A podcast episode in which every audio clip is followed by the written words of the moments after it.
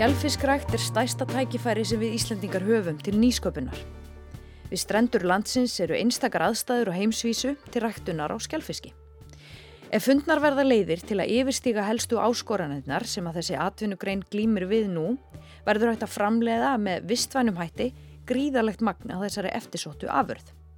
Þetta segir viðmælandi okkar í dag, Július Birgir Kristinsson. Hindranirnar í skelfiskræktun eru ansi margar en það er að hans mati algjörlega raunhæft að komast yfir þær. Skelfiskrækt er miklu umfangsmeiri á heimsvísu heldur en til dæmis lagseldi. Helsti kosturinn við skelfiskin er að nærist á þörungasvifi sem nóg er til af í sjónum. Ef við nýtum langt innan við 1% af um, þörungasvifinu sjónum þá getum við framleitt að stærðagrafinni miljón tonn af bláskel sem að skapar álíka mikil verðmætti eða meiri verðmætti heldur en allur sjávarúturinn á Íslandi. Og mittsilinkokkurinn Gunnar Karl Gíslason hefur tröllatrú á ráefninu. Það var alveg góð markaði fyrir hana sko. Þetta er mjög spennandi matvæli.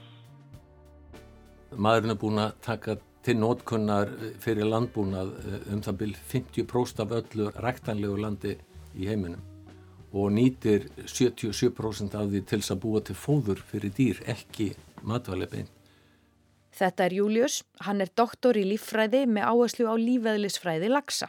En þessi dýr, e, þau framleiða hins og er einungi sem 18% af matvælum við jarðar en um þriðjung af e, prótenu við jarðar.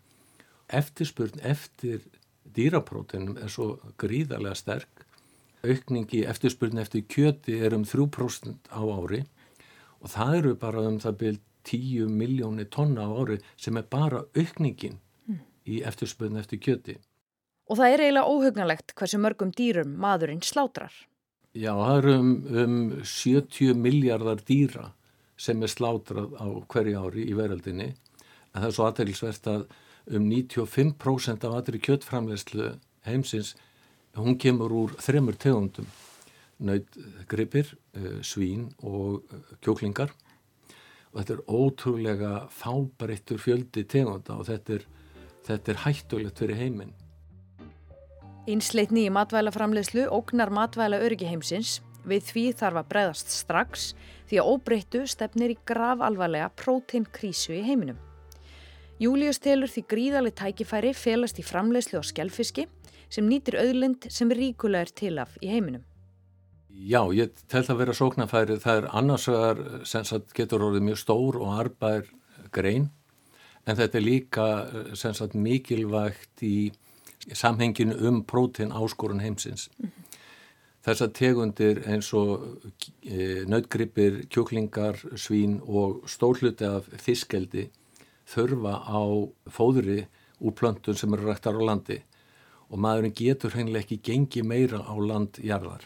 Það, það er bara orðið svo skadilegt og, og það er ekki bara þetta með útrýmingu tegunda og, og, og mingandi tegunda fjölbreytni. Það er líka það að eh, helmingurinn af þeirra matarafræmslu heimsins er knúin áfram af tilbúnum ábyrði og þar er svo sérstaklega hættulegt að fosfötun sem er í tilbúnum ábyrði þau koma úr námum í heiminum helmingun af þeim í eh, Marokko en sérfræðingar telja sumi hverjir að þessa námur verði uppurnar eftir 70 til 100 ár og hvað á þá helmingu mannkins að borða, hvað þá heldur aukningin sem á þetta er að verða.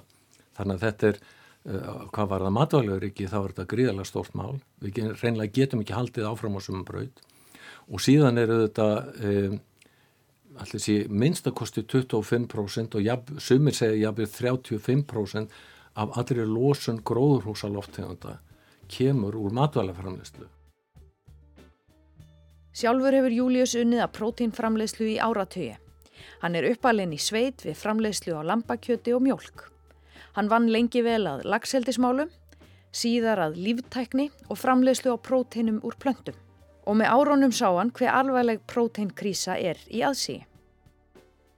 Ég sem sagt kynntist e, matvælaframlistu kerfi heimsins þegar ég var að vinna hjá fyrirtæki sem ég tók þátt í að stopna, Orf líftækni og var senstu 2-3 árin þar, þá var ég að vinna í verkefni sem að snýrum stoppfrumaræktun á kjöti mm -hmm. og sá þá mér til skjelvingar þá eh, í rauninni krísu sem að matarframlustu kerfið er komið í og sem að tengist að stórun hluta þá dýraeldinu og framleysla á dýraprótinu að þá, þá ákvæði ég sem sagt eftir ég hætti hjá orð að helga mig því að reyna að hjálpa til við einhverja betri leiðir til þess að framleiða prótenrík matvæli því að heimurinn auðvitað þarf þetta.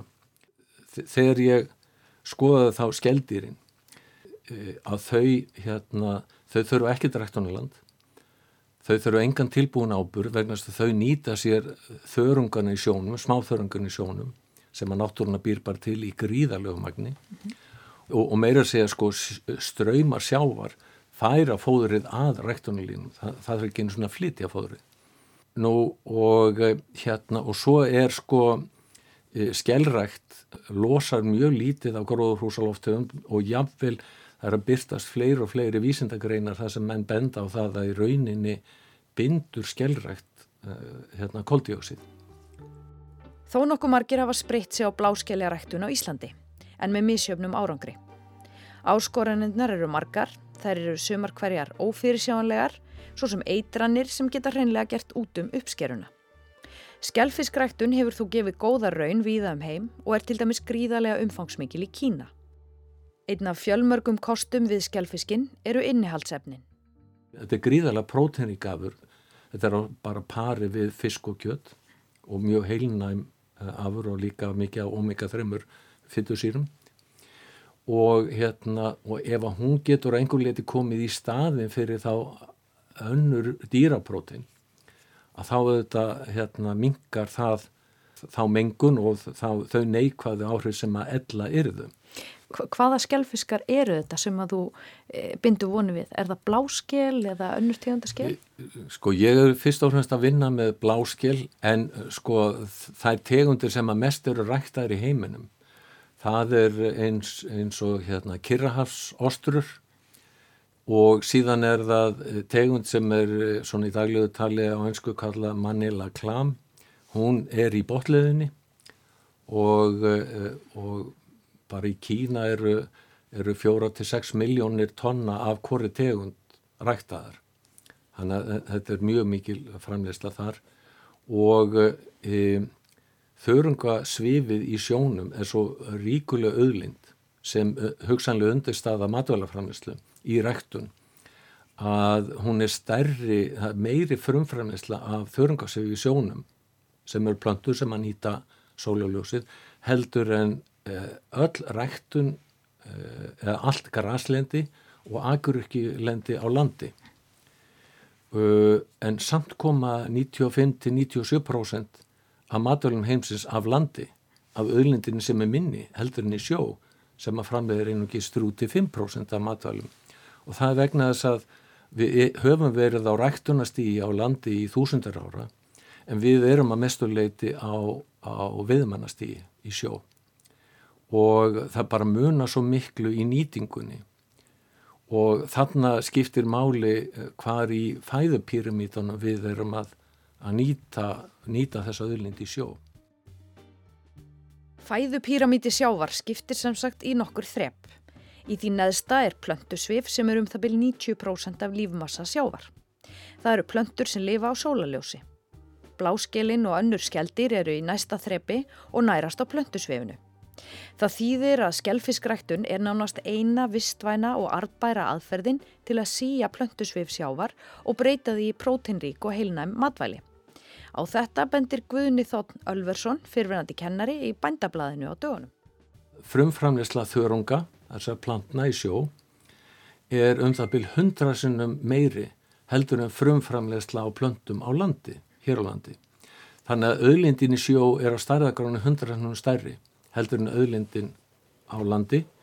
Við höfum stund á okkar landbúnað byggt á plöntum á landi senstu þúsund árin en nú er bara einlega komin svo stað að mannkinni þarf að fara að færa sig yfir af veiðamannastígi sjó yfir á rættunastígi sjó. Mm.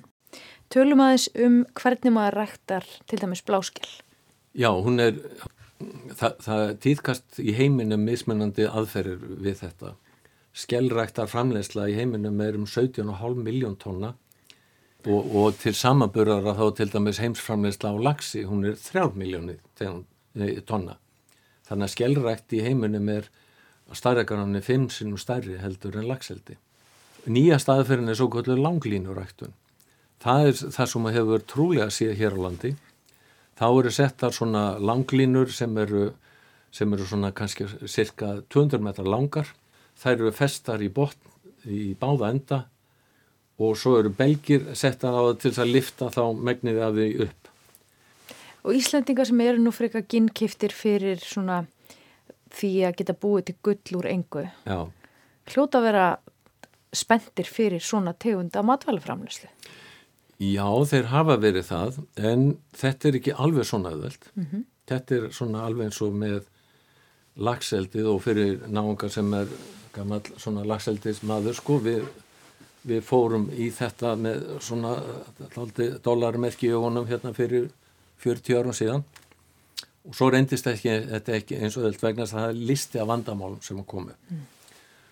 og það eru, þau eru að hluta til svipuð og í lagseldinu en hluta til önnur. Það er til dæmis að e, í skelræktinni að þá er ekki bara manninu sem þykir skilingóð mm. það er líka æðakollur og það er ef ekkert er að gert þá bara geta þeir skilin af línunum og, og þakka ekki eins og fyrir sig og þess vegna Hvað getur þú gert til að halda henni í burtu? Já, þá er það að menn sökka þessi niður á cirka tíu metra dýpi og halda þeim þar en það er það útheimtir gríðarlega vinnu mm. þú, þú þarfst að festa þetta einhver liti við botnin og svo belgi við þetta og belginni með ekki vera það sterkir að liftis upp á yfirborðið því að þá er æðarkollan komin -huh. svo vex hún og þingist kemur að því að belgirni duð ekki þetta fyrir sökva ef sekkun er á bótt þá er krossfisku þar. Hann getur að þeim meginn frá. Og þá þarf þetta að taka línunar upp svona alltaf tíu sinnum á hverju rættunarferli sem getur verið cirka þrjú ár Þetta er og, svolítið eins og að spila pakkmann, það er einhvern veginn hættur fyrir ofan og fyrir neðan og þú þarfst að halda okay, þér einhvers þar á... Þetta er ágætt slíking og, hérna, og, og þetta, þetta er svona 70% bara kostnæðin við þetta, mm. svona. En hver er raunverulega eftirspurn eftir skjálfiski og er þetta í alvöru góður matur? Við spurðum Michelin kokkin á veitingastæðnum Dillinu, Gunnar Karl Gíslason. Já, bara engin spurning. Uh, við höfum nú verið með hérna uh, bláskel svona meir og minna á, á sælunum held ég bara á dilduna síðustu 15 árin sko. Uh, og lengi vel var hún náttúrulega hérna ræktuð fyrir vestan á línum og, og þá erum við að fá algjörlega bara frábæra vöru til okkar sko. Þegar hún hefur verið í bóði að þá höfum við svo sannlega nýtt tækifærið og, og hérna og notaða. Serðu tækifæri í bláskelja ræktun? það var alveg góð markaði fyrir hana sko. Þetta er mjög spennandi matvæli. Það er hverki í heiminum betri aðstæður til að rækta svona lerfur í stöðu på landi en hér út á Reykjanesi og á, á þeim stað sem eru stöðum sem eru svipar aðstæður. Við fáum, við getum borað borhulinir í hraunið, fengið reynan sjó, smittfrían, mjög heilnaman og hérna sem er mikilvæg fyrir svona ungviði. Og eh, síðan eh, getum við með jarðhitta hita þetta upp í rétt hittastig þannig að mm, þá eigur að vaksta hraðan og svo, svo er þetta að stýra við hvenar eh, undaneldis dýrin hrigna og það er mjög góðar aðstæður þó þarf þetta ramaslýsingu þá vorum við með bara umhverjusvæðina raforku og svona. Þar nokkuð af hennin ekkert á við sko, náttúrulega alls ekki stóriðina og það eru ótrúlega lítið miða við gríðarlega framislu og svo, er, svo hefði ég hugsað mér að kimpæta þetta og líta líftækni til þess að útbúa þessar lirfur. Þannig að nýtist og leysi stóran hluta af þeim vandamálum sem að greinin er að fast við núna. Og eins og komið vekk fyrir kynþróskan e, og, og minga alls konar önnur vandamál sem er, það er, það er listi af vandamálum sem mm. að menn eru að fast við og sem eru litla lausnir til fyrir núna.